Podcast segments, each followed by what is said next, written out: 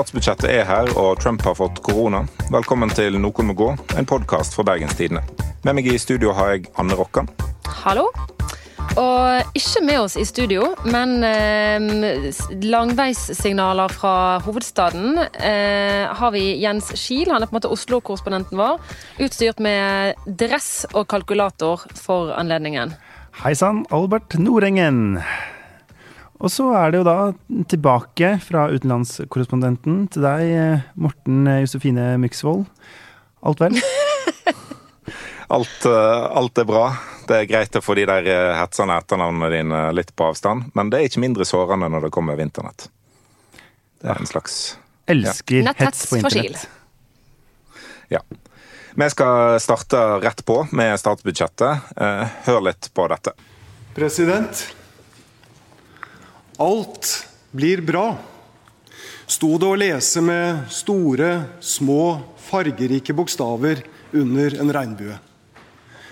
På fortau og i tusenvis av vinduer landet over. Hver dag blir vi litt klokere på pandemien som har snudd samfunnet vårt på hodet. Det var da finansminister Jan Tore Sanner og starten på hans finanstale, der han Eh, tok oss tilbake igjen til alle disse 'alt går bra'-tegningene eh, som har florert. Eh, og Når du ser på reaksjonene fra opposisjonen, så tror jeg ikke 'alt går bra' er det de ville ha leda med. Men det var nå i hvert fall Sanders forsøk. Veldig krampaktig, lov å si det? Veldig sånn å, vi må ramme dette nådeløse budsjettet inn på et vis. Og vi refererer til barnetegninger, og alt blir bra. Og så litt i begynnelsen, og så sier du sånn Vi skal kutte, kutte, kutte, kutte. Og så sier du sånn og som sagt, alt skal bli bra. Takk for meg. Han prøvde å bli litt sånn Bent Høie der, tenker ja, jeg. At det var jeg litt sånn akkurat det samme. Ja, men jeg må si at uh, en av de tingene jeg virkelig liker med Jan Tore Sanner, er at han er ingen stor retoriker, og han veit det. Altså, den uh, finanstalen han holdt i dag, var, det var bare en saklig gjennomgang, punkt for punkt. Uh, lite store fakter. så jeg unner han liksom et bitte lite sånn sånn grep som det der. fordi ellers så er det så lite armveiving fra hans eh, side, altså. Men eh, Jan Tore Sanner må jo ha den mest behagelige stemma i norsk politikk. Det er veldig avslappende å høre på når han snakker om egenandeler som går opp og oljepengebruk som går ned. Uh, altså, jeg tenker at det er Haja Tajik. Hun har en sånn svevende sånn Altså, hva er det sånn YouTube-filmer folk ser på, med sånn der de snakker veldig sånn her. Hun har litt sånn Jeg blir litt beroliget av å høre på henne. Ja. Jeg tenker Sigbjørn Johnsen. Jeg tror i det hele tatt Men det virker som at vi alle tre lar oss sjarmere av eh, finanspolitikere. Det ja. er jo kanskje et litt trist tegn. Det er nok det det norske folk òg lar seg eh, sjarmere uh, av, så jeg tror vi er i takt med befolkningen her. Ja. Men hva var det som blei lagt fram? Ja, altså Norge har jo så masse penger å bruke, så jeg tror det er litt vanskelig å summere opp alt av nyheter og store ting i, uh, i budsjettet. Men noen av de viktigste tingene, altså pengebruken går litt ned. Krisepakkene går ut på dato, og da går jeg ned til 3 oljepengebruk, som er det som er ramma for handlingsregelen. I Bergen så får Bybanen penger, men Sotrasambandet ble utsatt. Det kom et nytt tak på egenandeler. Folk må kanskje betale opp mot 1000 kroner mer i året for medisinene sine. Vi får et nytt klimafond for grønne investeringer i utviklingsland. Det blir to milliarder til karbonfangst og -lagring, bl.a. på Øygarden, i Øygarden. Um, det blir kutt i lettbrusavgifter. Hey. Og Human Rights Service får 1,8 millioner, selv om Frp er ute av regjering. Nei. Er det andre store saker dere har lagt merke til i de timene statsbudsjettet har vært ute? Altså, Det er jo ikke en nyhet akkurat i dag, for det har vært lekka før. Men disse 32 milliardene til jernbane er jo veldig bra for Norge, da. Um, og, og, det er jo i det hele tatt Altså, eh, ja, det er jo kraftig reduksjon i hvor mye oljepenger de bruker. Men hvis man ser ikke mot i år, men mot f.eks. 2019, så er det jo et høyt eh, nivå. Ja da, altså En er helt i, over, i øvre sjikt av det en mener er, skal være pengebruken. Eh, så det, det, er jo tydelig at 2021-budsjettet eh, er et krisebudsjett, det òg. Det er bare at en ikke legger opp til så enormt høye kostnader som i kriseåret 2020. Og det var jo ikke planlagt for heller, det var jo korona som selvfølgelig mm. gjorde det. Men Anne, du som kan ting om eh, tall. En ting som jeg Åh, Jeg får så panikk hver gang du sier sant. Ja. Eh, det er, altså et spørsmål som jeg lurer på, er jo dette her med hvordan eh, Hvis man hadde på en måte villet gjøre mer for å få arbeidsledigheten mer ned, kunne man gjort det, tror du? Eh, kunne man satt i gang flere tiltak? Ja, altså det, mange, det som han sjøl sa i talen sin, var jo at nå er på en måte sånn koronarelatert. Altså nå er på et eller annet punkt hvor vi være nøyere med, er litt mer nådeløse på hvilke bedrifter som skal med videre, og hvilke som på en måte indirekte da vi må på en måte Nå må de rett og slett eh, kjempe for seg sjøl, og ikke alle vil rett og slett eh, klare seg. Eh, så det jo, ligger jo om til en viss omstilling. Eh, fremover. Og det å ikke på en måte sprøyte mer penger inn i næringer som kanskje ikke har livets rett når vi en gang liksom kommer ut på andre siden, det er jo Altså, jeg har litt sansen for det, da.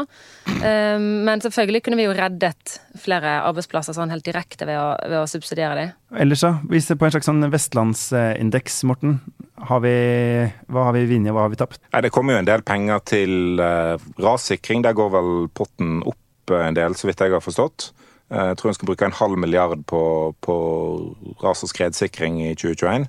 Eh, det er jo bra. altså Behovet er jo nesten utømmelig. Bergens Tidende skrev i fjor at behovet er på 20 milliarder. Eh, men, men, vi skal være fornøyd med det, tror jeg. Og så kommer det en del penger til tunnelforbedringer. Og til å dekke inn sprekk på E39 til Os. Det er jo bra at de pengene kommer, sånn at ikke ting stopper opp. Eh, veldig bra at Bybanen til Fyllingsdalen er eh, helt sikra, eh, og litt synd at Sotrasambandet er utsatt.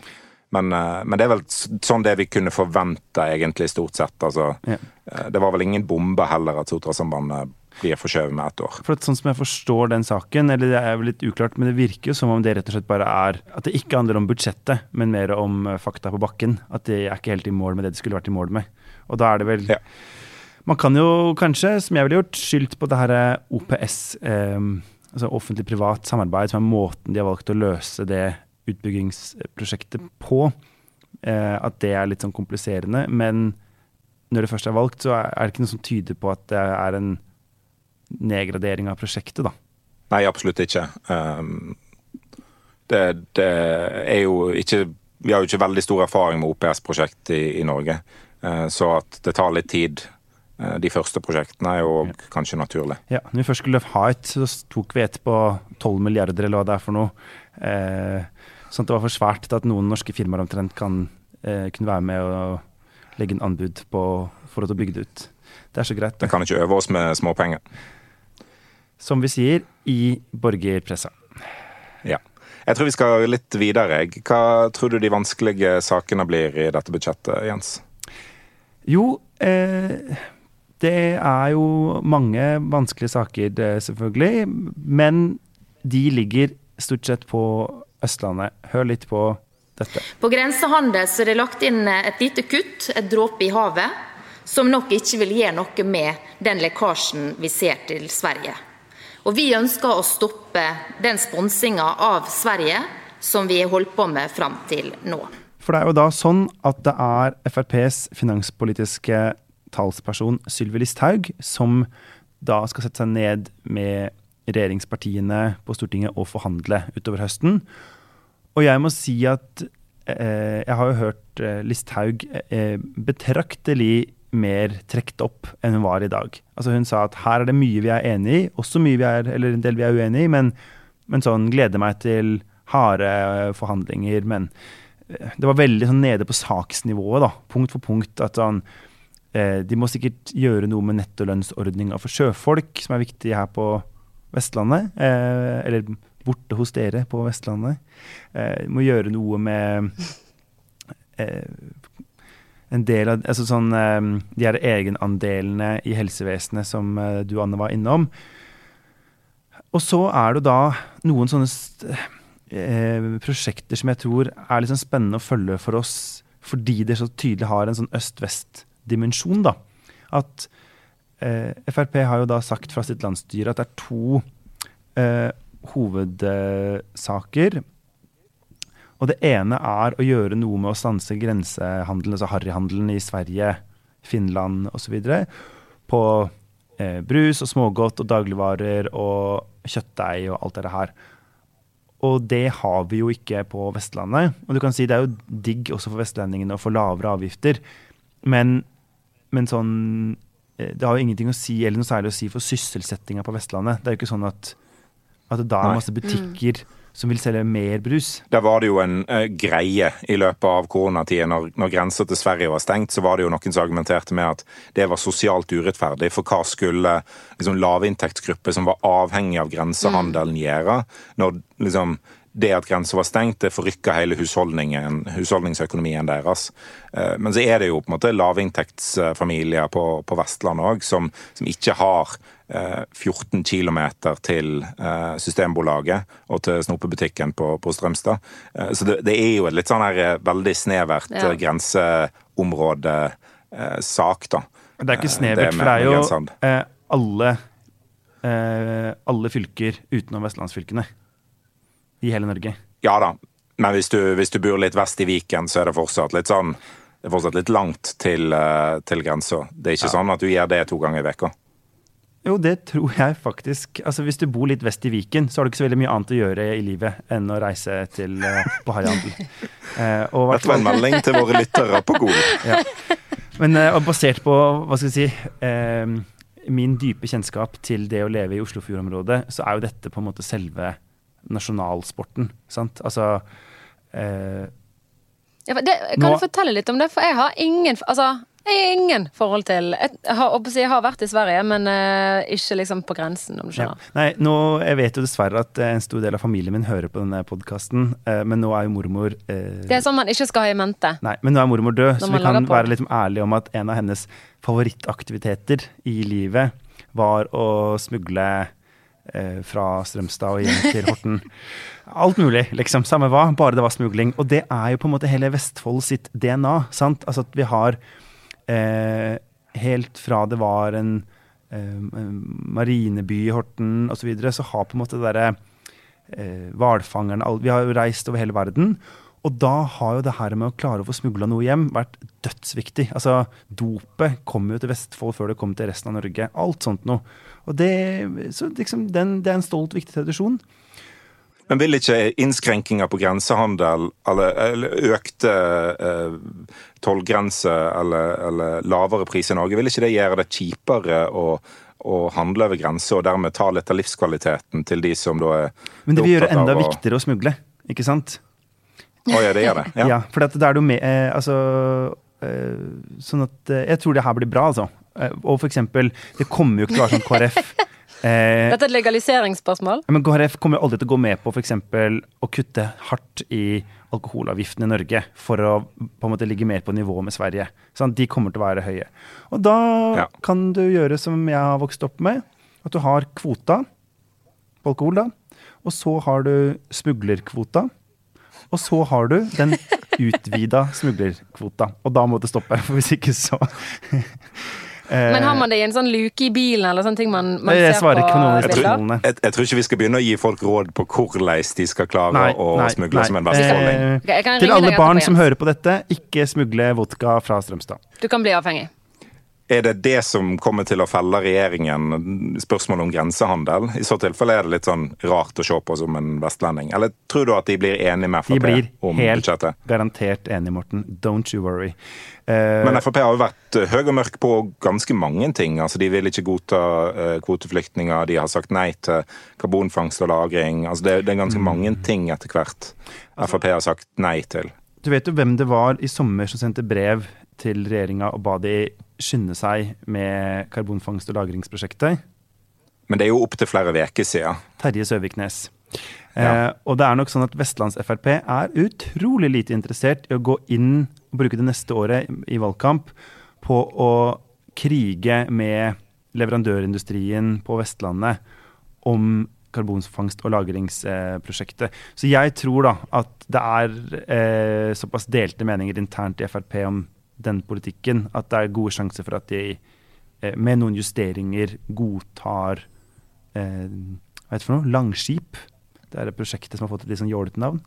Og så, så samme, Første gang et vikingskip har blitt omtalt som jålete. Nei, men det er bra. Det er jo litt homo. Nei, ikke de jålete, da. Ja. snirkler og Altså, det er jo mye Det er Masse jo ikke menn eh, oppi en båt full av strømlinjeform som trehjulskjerringer. Her får vi et nytt syn på vikingtid eh, for hvert sekund som går. Var mad gay hele tiden. Og så tenker jeg jo at sånn som på eh, kvoteflyktninger Må ikke det fnises mye bort på Vestlandet? Vi, vi var li- øyeblikkelig litt usikre på uh, Ja. Ja, På kvoteflyktninger så tenker jeg jo at eh, I hvert fall det som folk sier til meg, da, er at om nå verden åpner litt mer igjen til våren, og det blir enklere å ta imot kvoteflyktninger igjen, så vil det fremdeles Det er jo en ganske sånn eh, lang prosess å bli kvoteflyktning. Så det er mange som tror at de rett og slett ikke kommer til å nå 3000-tallet uansett. Og de ligger jo så langt bak i år at det f.eks. fins en åpning for å se de to årene mer under ett, eller altså at det er mulig Ja. å se for seg noen lure grep, da. Så jeg, jeg tror at eh, eh, i år så blir de enige, eh, og ikke sant sånn egenandeler i helsevesenet, det, det er jo ikke det blir, De feller jo ingen på det, liksom. Nei, og egenandeler er jo et sånt uh, type saksfelt der du, der du lett kan justere på det. sant? Eh, en sier at taket skal nå være 3100 og et eller annet. En kan jo justere det ned til 2700, så er det veldig tydelig eh, at Frp har fått, fått gjennomslag for en, en moderasjon, i det minste. sant? Så det, sånne ting er jo veldig greie å forhandle om i et, i et Ja. budsjett. Så det jeg tror Det er ikke vanskelig ja eller nei. på en måte. Ja, det jeg tror blir vanskelig, det er jo altså selvfølgelig Hvis Frp skal gi seg på den 1% i bistand, som de nå så tydelig har sagt at det er en sånn hovedsak, det kan bli vanskelig. Og så tror jeg at det kan bli vanskelig alt som går på klima. Altså f.eks. Eh, spørsmålet om altså Frp vil jo nå gjøre avgiftene på kjøp av ny fossilbil lavere igjen. Eh, sånne ting tror jeg kan bli en hard nøtt å knekke, da. Det, er definitivt eh, utfordringer her. Ja, men jeg tror jo at eh, de hva skal jeg si, ikke, ikke kommer til å møte på store problemer i det som kanskje er debatten mellom høyre- og venstresida om dette, nemlig om det er et såkalt usosialt budsjett eh, eller ikke. Og da er jo spørsmålet til deg, Anne, er det det? Ja, sant, for det er jo det som liksom, i år igjen er den eh, liksom eh, ikke overraskende forsiden på alle nettavisene. Sånn venstresiden raser over et sånn skandalebudsjett som heier på de rike, og så forstår jeg ikke høyresiden overhodet hva, hva det er snakk om. Men det er jo i bunn og grunn et budsjett som prioriterer skattelette. Eh, og som er ærlig egentlig på at det skattelette i all hovedsak går til de med mest fra før. Og i summa summarum så er jo deres begrunnelse for det at de tenker at det er en investering i arbeidsplasser og økonomien. Eh, og så kan jo de lærde strides om på en måte hvor eh, effektivt det er, og, og hvor mye det egentlig koster de såkalt fattige på veien. Og jeg har vel en sånn ørliten laget en liten oversikt her over sånn delt befolkningen inn i to sympatiske grupper. Fattig og rik. Sånn er det jo i virkeligheten. Sånn, sånn driver en på på NHH. Sånn driver han på. Eh, og da hvis, kan vi liksom eh, vi, La oss si vi er rik. Hva er det som er eh, gode nyheter i dag? Det aller største er jo selvfølgelig denne her rabatten på såkalt eh, formuesverdien, eller formuesverdsettelsen, på arbeidende kapital, som eh, er hovedsakelig aksjer, eller på en måte penger som står i bedrifter som på en måte skal arbeide. da. Eh, og da, har, da får man jo sånn, hvis du putter en eh, 1000 kroner eh, i eh, arbeidende kapital, så får du en rabatt som gjør at eh, i dag er det bare 65% av de som teller som formue, mens eh, nå skal vi ned til 55% av de. Så du blir på en måte kvitt en del av formuen din når du har de i, i aksjer. Og de som har penger i aksjer, er jo stort sett de rike. Så de kan vi jo gratulere litt med dagen. Men er det, Eh, det altså på bare- spørsmålet, Anne Fordi venstresida Ja. sier jo det er ikke noe som heter arbeidende kapital. Nei, altså de, de som Og det er jo sant nok, det er et veldig sånn herlig uttrykk som, som eh, høyresiden liker veldig godt å slenge ut. Arbeidende kapital betyr bare at pengene er investert. Så hvis du eller jeg har litt sparepenger til over, så setter de i et aksjefond. Eh, Så kan jo, altså Det er jo litt sånn fjernt å se for seg at de pengene liksom går rundt og bærer på sånne eh, trillebårer med, med kull og hogger i stein. og liksom Pengene arbeider jo ikke, men de investeres jo igjen i bedrifter som sysselsetter og driver norsk økonomi. Eller internasjonal økonomi. Kommer litt an på aksjene og fondet. Eh, Så de er jo, Poenget er jo at de bare ikke skal stå i ro. Hvis du setter pengene på bankkontoen din, så er de ikke investert i noe. Sant? Eller hvis du kjøper et hus, så er det også ganske sånn stillestående penger. Men du blir da belønna i dette statsbudsjettet her for å kjøpe nytt utstyr til bedriften din? For eksempel, Nye er anleggsmaskiner Ja. eller ja. Ja, eller hvis du bare er en privatperson som ikke eier bedrift, men fortsatt bare setter pengene dine i et fond eller i en, en spareløsning, der de igjen reinvesteres i en bedrift. Så dette er ikke bare et skattelette til bedriftseiere, det er til okay. alle som har penger stående i et fond eller i en aksje, eller eh. Og så er de igjen investert. Så det må vi på en måte huske at dette, både når vi diskuterer formuesskatt og eh, sånn, så, så er det eh, Det gjelder også bare på en måte de med litt ekstra sparepenger, sine penger. Så det er nå på en måte den største Det som folk kanskje syns er den største sånn eh, gaven til de rike. I tillegg så har vi litt lavere eiendomsskatt. Det gjelder på en måte de kommunene som har eh, høy eiendomsskatt. da. Og det er jo kjempemange. Eh, eh, ja Nei. Det er jo over, godt over halvparten, men mange av de har jo såpass lav altså Det er bare sånn, det er et nasjonalt tak på hvor høy eiendomsskatt du kan ha. sant? Eh, og nå settes det taket litt ned. Så mange kommuner har jo allerede et lavere skattenivå enn det eller en sats enn det som eh, var maks i fjor. og ikke, altså, de, de berøres egentlig ikke. Eh, Det som er veldig trist med å være rik i dag, er at dersom du er så uheldig å ha en bolig som er eh, verdt over 15 millioner, så må du dessverre eh, Altså da vil mer av den verdien bli sett på som formue enn det en gjør i dag. Så det Kan vi få inn lyden av verdens minste fiolin her? ja, bitte, bitte liten fiolin. Men en, hvis du så, såpass, sitter såpass greit i det, da, at du rett og slett sitter i eh, Lysbakken kaller jo dette konsekvent for en villaskatt. Hvis du har en villa, da, eller bare en enorm, et enormt ræl av en bolig som fortsatt er verdt 15 millioner, samme det Det som så- en fortsatt på eh, nettavisspråket kaller millionvilla. En millionvilla, ja. Ganske mange villaer er det jeg vil tro er minst én millionsvilla, men Kan man eh, se for seg at den har eksempel tre stuer, Anne? Åh, altså Alltid skal Jens komme trekkende med at jeg har en eh, leilighet som har to soverom, hvor den ene brukes som stue, noe som ender opp med å bli liksom en, en trestues eh, leilighet. Men jeg kan jo si at jeg er blant de utrolig uheldige som i fjor satt så sørgelig godt i det at jeg ble ilagt formuesskatt. Den fiolinen, har vi den fortsatt, eller? Ja. Oh. Eh, nei, Dette men det altså, For den oppmerksomme lytter har jo kanskje oppfattet at jeg ikke nødvendigvis er eh, ekstrem motstander av å skatte de som sitter godt rundt i sine tre stuer litt hardere. Så jeg trenger, jeg trenger ingen fiolin.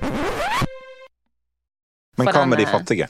De fattige, eh, de er jo blitt eh, belønnet eh, med f.eks. bitte litt lavere trinnskatt. For de laveste de har fått litt høyere barnetrygd. Det får jo alle, da. Men det er jo klart at eh, når du setter en sånn fast, en flat liksom høyere sats, så har jo den mest betydning for de som har minst fra før. Det er 3600 kroner mer i året. I så året, det er jo? Det er vesentlig for de som lever på margin, eh, uten tvil.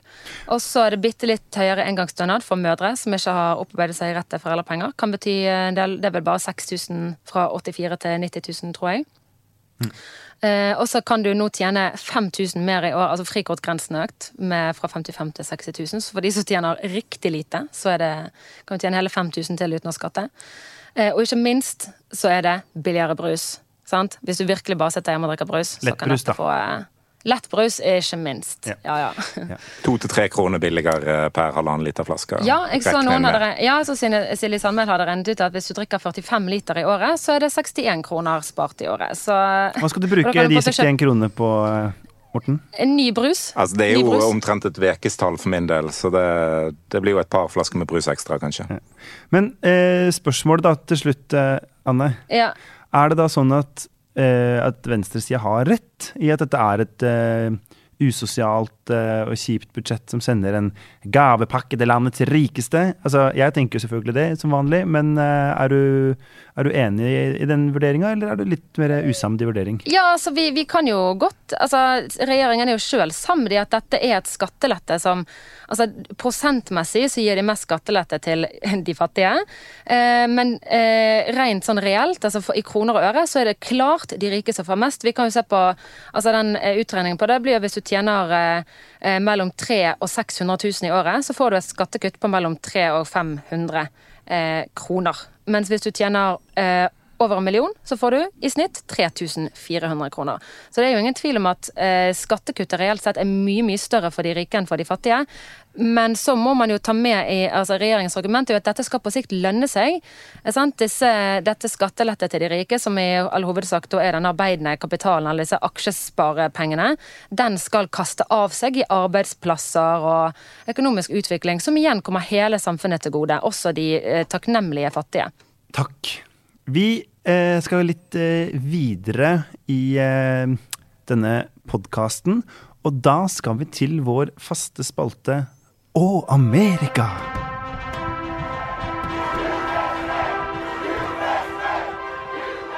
Hvor du, eh, Morten Muxvold, tar oss eh, med til ulike steder i denne merkelige landsdelen. Veldig ofte viser det seg å være et eller annet sted på østkysten av eh, USA.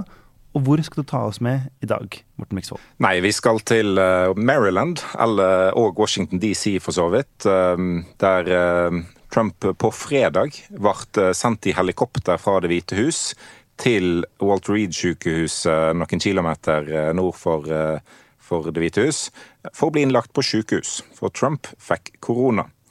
Det har vært liksom min veke den siste veka, og jeg følger med på Eh, hva legene til Trump sier om hans oksygenmetning. Eh, fordi det er litt relevant for en mann med atomvåpenkodene i nevene, eh, sine kognitive evner. Er han frisk? Er han sjuk? Er han på bedringens vei? Hva skjer? Han er eh, sjuk. han har hatt en del alvorlige symptomer. Han har hatt to liksom, store dropp i oksygenmetningen. han har hatt en kortvarig, men høy feber. Eh, ellers har han hatt milde symptomer. Han har fått eh, opptil flere eksperimentelle medisiner for å bøte på det. Men han mener nå at han er såpass frisk at han eh, kunne returnere til Det hvite hus, som idet han returnerer, opplever en smittespredning som de ikke har helt kontroll på. Så det, det er jo en situasjon der som, som Trump neppe tjener på, nemlig at han Eh, vise hvor lite peiling han har på, på, korona, hvor lite han bryr seg om korona. Men han sier jo, som vi, skal, som vi skal høre nå, at han har lært veldig masse om korona den siste uka. Hør bare på dette. So uh, it's been a very interesting journey. I learned a lot about COVID. I learned it by really going to school. This is the real school. This isn't the let's read the book school. And I get it and I understand it. And it's a very interesting thing, and I'm going to be letting you know about it. In the meantime, we love the USA and we love what's happening. Thank you. Trump har gått uh, livets harde skole, uh, egentlig. Uh, fordi han har ikke gått på den skolen der, der, du leser bøker, men der du opplever ting. Og valgkampanjen hans har jo faktisk prøvd å gjøre det til et poeng at Trump, i motsetning til Joe Biden, har personlig erfaring med mm. koronaviruset. Eh, så han er bedre egnet til å, å um, håndtere pandemien. Selv om han idet han gikk ut av helikopteret, tok av seg maska, eh, drev og fikla med den med, med de litt sjuke nevene hans, og så uh, begynte å vinke til befolkningen der han sto med det som virka som litt pustevansker. Så lite flatterende var de videobildene at Trump ville gjennomføre hele greiene på nytt. Oi, Så dette, det dette går jo dritbra. Men det er jo spennende å si sånn eh, Ja, jeg har vært syk. Jeg var blant de heldige som eh, for det første fikk verdens best tilgjengelige behandling. Men stedet så ble jeg tilsynelatende frisk igjen. Så dere som ikke ble frisk, det er jo en merkelig sånn antydning til at de bare De var ikke tremendously good enough til å på en måte bekjempe viruset. Det er jo ikke alle som kan legges inn som en eh, måte for å være forsiktig, eh, sånn som mm. Trump og en, en annen republikaner har, har gjort. Eh, det er få amerikanere som har tilgang på den type helsetjeneste. Eh, og så er det jo det en har frykta når Trump ble syk, og nå i hvert fall tilsynelatende ser ut til å ha blitt bedre, er at han igjen underdrive ja. hvor alvorlig det er. Jeg likte noen sa sånn Vi har jo alltid hatt eh, influensa, og den har vi liksom lært å leve med. Og han insinuerte sånn Nå har jeg liksom lært hvordan man skal bekjempe korona, akkurat som vi skal på en måte bare øve oss på å ha korona. Ja, altså, gang, liksom. Influensasammenligningen har han kommet med i, i, hele år, egentlig. Når det var få døde i USA, så var det, snakket han om at influensaen tar livet av 25 000-70 000 i USA årlig. Så hva er liksom koronaviruset mot det? Nå sier han at eh, influensa tar livet av 100 000 årlig, så uh, uten at det stenger ned økonomien. Koronaviruset har tatt livet av godt over 200 000 nå, mm. i USA. Det er en femtedel av verdens tilfeller. Men får dette noen konsekvenser for valgkampen framover? Hele koronikken, ja, altså, koronaden? Til, tilsynelatende veldig lite altså Trump har vært uh, frakobla valgkampen nå de, de, siste dagene, men, men, i natt så skal Mike Pence og Camilla Harris møtes til debatt. og uh, Det blir ikke innført noe ekstra tiltak for å, å, å skille Mike Pence og Camilla Harris, visepresidentkandidatene, fra hverandre, selv om Pence har vært utsatt for for smitta personer over, over, flere dager i, i, Det hvite hus. Så den debatten går som, som planlagt. Um, ellers er nok Trump snart tilbake igjen, uh, hvis, hvis, det ikke blir forverring, da. Mm. Um, men det er jo tegn på målingene uh, som viser at folk er ikke veldig imponert over Trump når det kommer til koronaviruset. Og de fleste velgerne mener at han kunne unngått å bli smitta sjøl hvis han bare hadde tatt det alvorlig. Og det, den holdningen går langt inn i det republikanske partiet. Mm. Det er jo, eh, Folk kan jo følge dette dramaet daglig på BT, hvor du skriver en eh, oppdatering, en analyse hver eneste dag. Men da må vi jo spørre om det som eh, jeg sikkert ikke er aleine om å lure på, nemlig åssen går det her? Hvem vinner? Åssen ligger målingene an nå?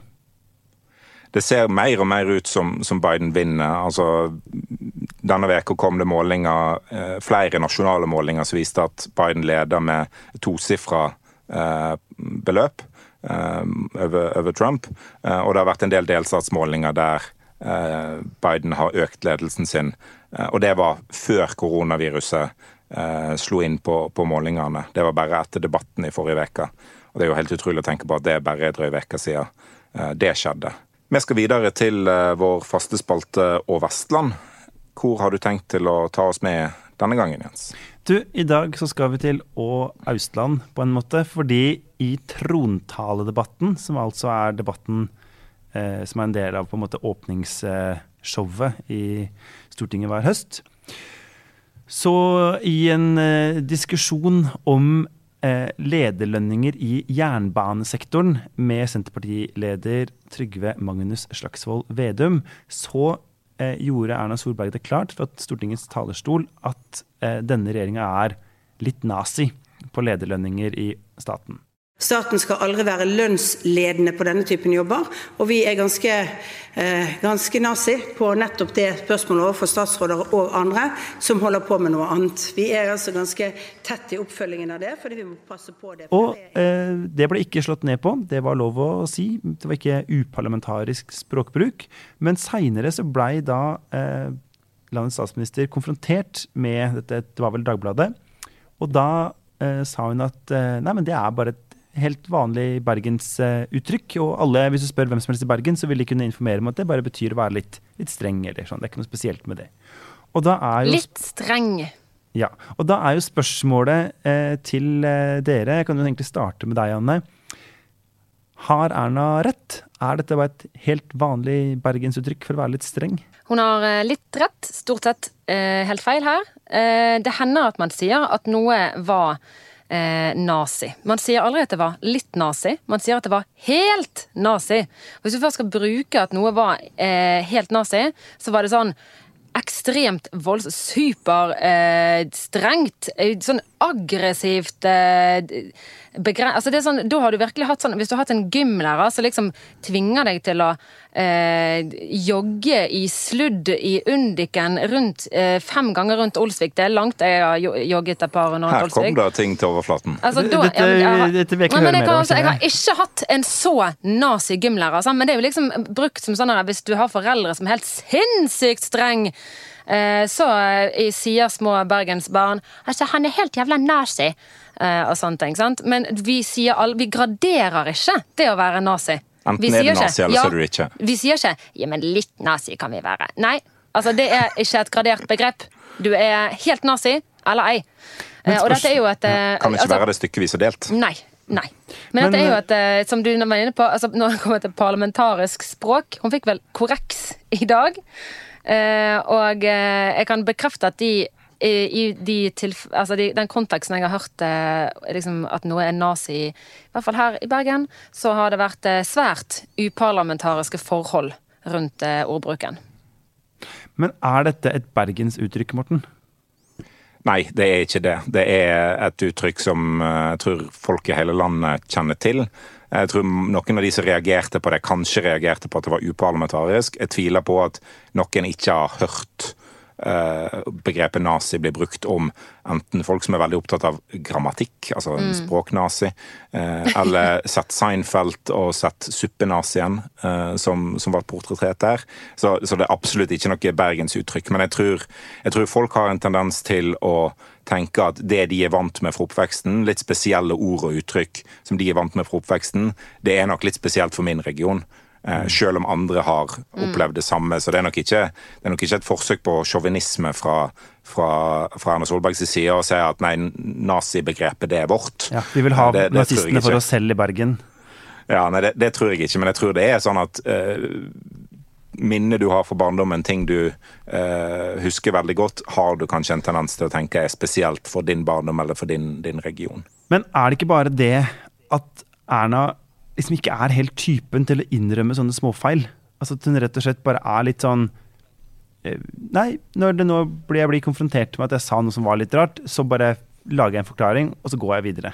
Eh, I stedet for å si at det var litt dumt. Det er typisk Erna Solberg å, å, gjøre det. Det som var litt utypisk med hele greiene, var en reaksjon som kom på det. Det var Sylvi Listhaug som, som, var ute og sa at 'jeg ville ikke brukt de ordene'. Og det syns jeg er humor på veldig høyt nivå, fordi Erna Solberg er kjent for å si akkurat det. At hun ville ikke brukt de ordene. Det, hun er kjent for å bruke akkurat de ordene. Ja, eh, Så, så jeg syns det var veldig gøy det, den måten Sylvi Listhaug svarte på det, da, i hvert fall. Det, det, det setter jeg pris på. Bra. Nei, men Da fikk vi rett og slett eh, oppklart eh, det. Det er jo alltid greit å være litt nazi på en eh, budsjettonsdag. Hvem skulle trodd det? Før vi avslutter, er det noen som må gå denne uka? Nei, jeg må gå og betale formuesskatten min med glede. Ja, nazistene må jo gå. Eller kanskje marsjere? De må ja, marsjere, bare, Jens. De må marsjere. Og ikke bare litt. Nei, de skal ikke marsjere. det tror ikke jeg vi skal oppfordre til i denne podkasten. Det er helt vanlig i Bergen. Oi, oi, oi. vi marsjerer bare når vi er litt nazi. Ja. Jesus Kristus. Innspill og tilbakemeldinger og alt mulig av reaksjoner på denne avslutningen her kan sendes til nmg.bt.no eller i Facebook-gruppa Noen må gå. Ny episode kommer til vanlig hver torsdag. Intromusikk var bergensere av Bjørn Torske. Produsent er Henrik Svanevik. Du finner oss i BT Lytt-appen eller hvor enn du finner podkaster på internett. Ha det bra. Ha det. Ha det bra, og takk til eh, Aftenpodden for lån av eh, studio her i Austerled. Takk for meg.